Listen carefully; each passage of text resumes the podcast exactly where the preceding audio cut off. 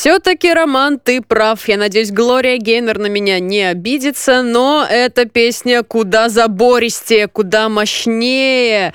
Прям вот то, что надо, понимаешь, сейчас. Поэтому это был Тор Бенд. Кстати, как вы заметили, а, мы даже эту песню используем в нашем джингле, потому что вот так вот она нас всех а, в хорошем смысле будоражит. Это был Тор Бенд с песней «Живей Беларусь». В очередной раз вам напоминаю, слушайте обязательно. А мы продолжаем. Так, і зараз мы у нас будем магчымасць паслухаць вядомага беларускага палітолага Андрэя Казакевіча, які прааналізаваў, як могуць змяніцца стасункі паміж беларусю і ЗША пасля таго як на пасаду прэзідэнта уваходзіць новы кіраўнік злучаных штатаў Джо байден перадаю слово андрею казакевичу до лукашенко отношения только устанавливались так как лукашенко пришел в 94 году э, к власти а сами двухсторонние контакты начались только в 92 году поэтому в основном отношения между вот уже независимые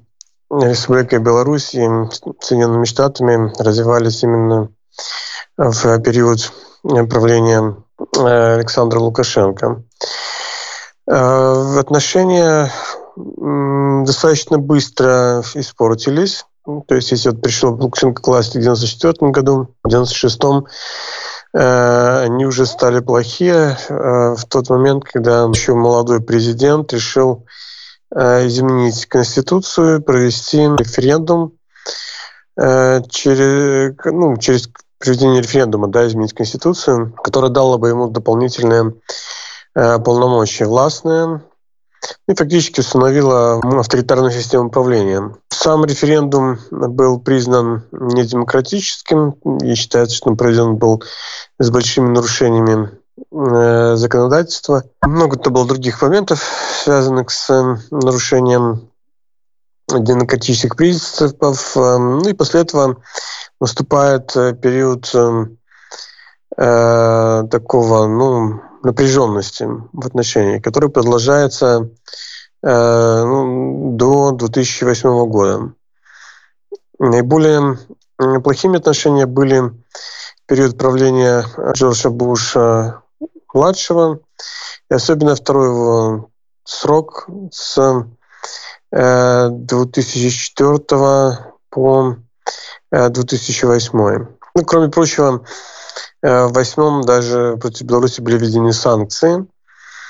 Вот. И в результате Беларусь выслала посла из Минска ну и отозвала, соответственно, посла из Вашингтона. Ну и с тех пор послов в столицах нет. Возможно, только вот сейчас эта ситуация решится. После 2008 года было несколько улучшений. Это вот 2008-2010 год, так называемая первая нормализация. И потом 2000 14-15 вот до 2020 года, до выборов э, в августе, когда стороны пытались выйти на ну, нормальные отношения и восстановить какой-то такой на ну, минимальный уровень сотрудничества. Ну что, в общем-то, к 2020 году удалось, и только предстоять выборов и новых этапов в нарушении и демократических принципов, и прав человека, мы наблюдаем постепенное ухудшение э, отношений с Соединенными Штатами. А расскажите поподробнее, что такое акт о демократии, что он означает для Беларуси? Возможны ли экономические санкции со стороны США или США просто будут поддерживать позицию Евросоюза по этому вопросу? Угу. Ну, акт о демократии значит, что э, президенту ну, проще будет вводить какие-то санкции, ограничения.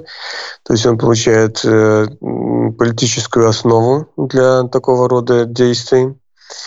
Э, акт демократии также предусматривает помощь белорусскому гражданскому обществу, медиа со стороны Соединенных Штатов – и опять же закладывает такую вот правовую основу для такого рода помощи. Понятно, что все-таки Соединенная э, ну, политика внешняя Соединенных Штатах формируется прежде всего президентом, поэтому от, а, открывая больше возможностей для исполнительной власти в установлении каких-то санкций, какой-то там э, каких-то других ограничений для президента. Э, при этом сам акт он ну, не, не предписывает ничего э, абсолютно точного в этом отношении. То есть все равно, конечно, основа этой политики в отношении Беларуси будет определяться э, американскими президентами. И то, будут ли введены новые санкции, какие они будут, будут определяться уже новой администрацией Байдена. Э, очевидно, что санкции будут. Э, очевидно, что они не будут э, полностью совпадать с тем, что формирует Европейский Союз, ну, по крайней мере, по практике, если смотреть. Но похоже, что все-таки в основном Соединенные Штаты будут следовать в фарватере европейской политики в отношении ситуации в Беларуси. Э, вряд ли мы будем э, наблюдать какую-то такую вот активную политику и самостоятельную и какую-то ну, самостоятельную активную политику Соединенных Штатов э, в данном направлении. Наверное, все-таки в основном будет определяться позиции Европы, в том числе и по вопросам санкций какими способами вообще США могут повлиять на экономическую блокаду Беларуси?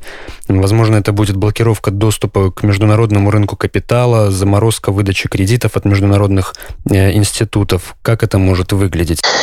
Э, да, прежде всего эм, повлиять э, на то, что такие организации, как Международный валютный фонд и Всемирный банк не будут переставлять займов для Беларуси. Э, ну, Международным банком Беларусь работала в последние годы, э, с МВФ нет. Э, наверное, те проекты, которые уже запущены, будут продолжены, но новые вряд ли можно ожидать. Ну, тут, наверное, солидарная позиция Европы и США будет достаточно, чтобы заблокировать подобные программы. Но это не самое, это, конечно, не самое важное.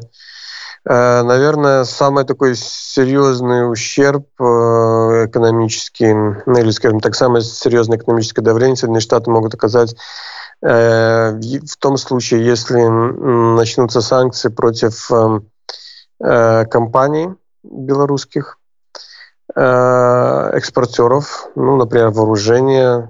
Если брать вот список Европейского Союза, там такие компании есть.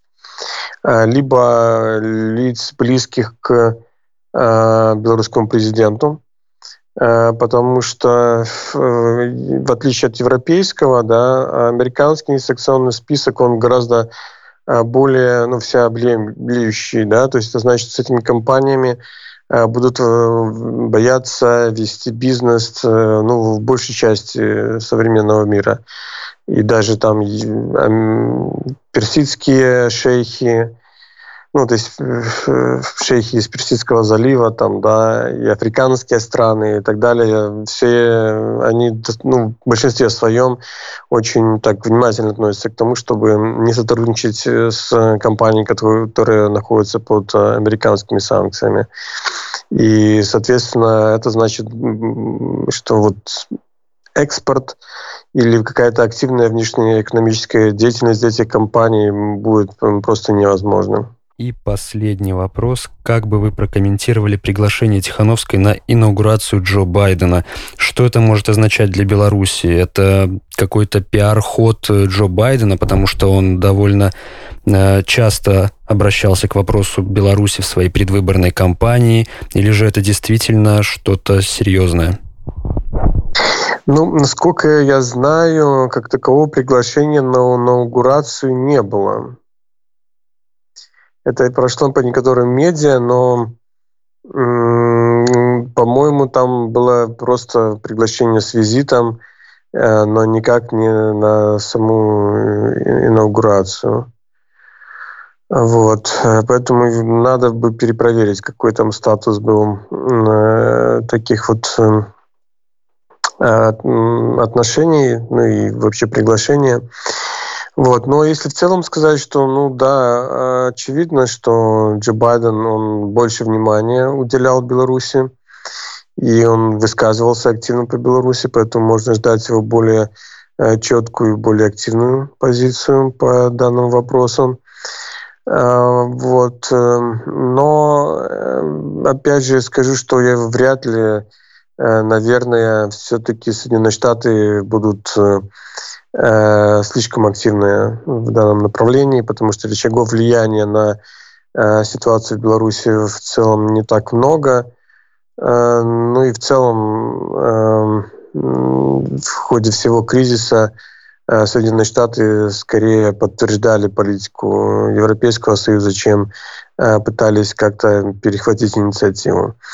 Поэтому какая-то корректировка в политике будет но я бы не ожидал каких-то таких вот прям кардинальных э, изменений в позиции Соединенных Штатов.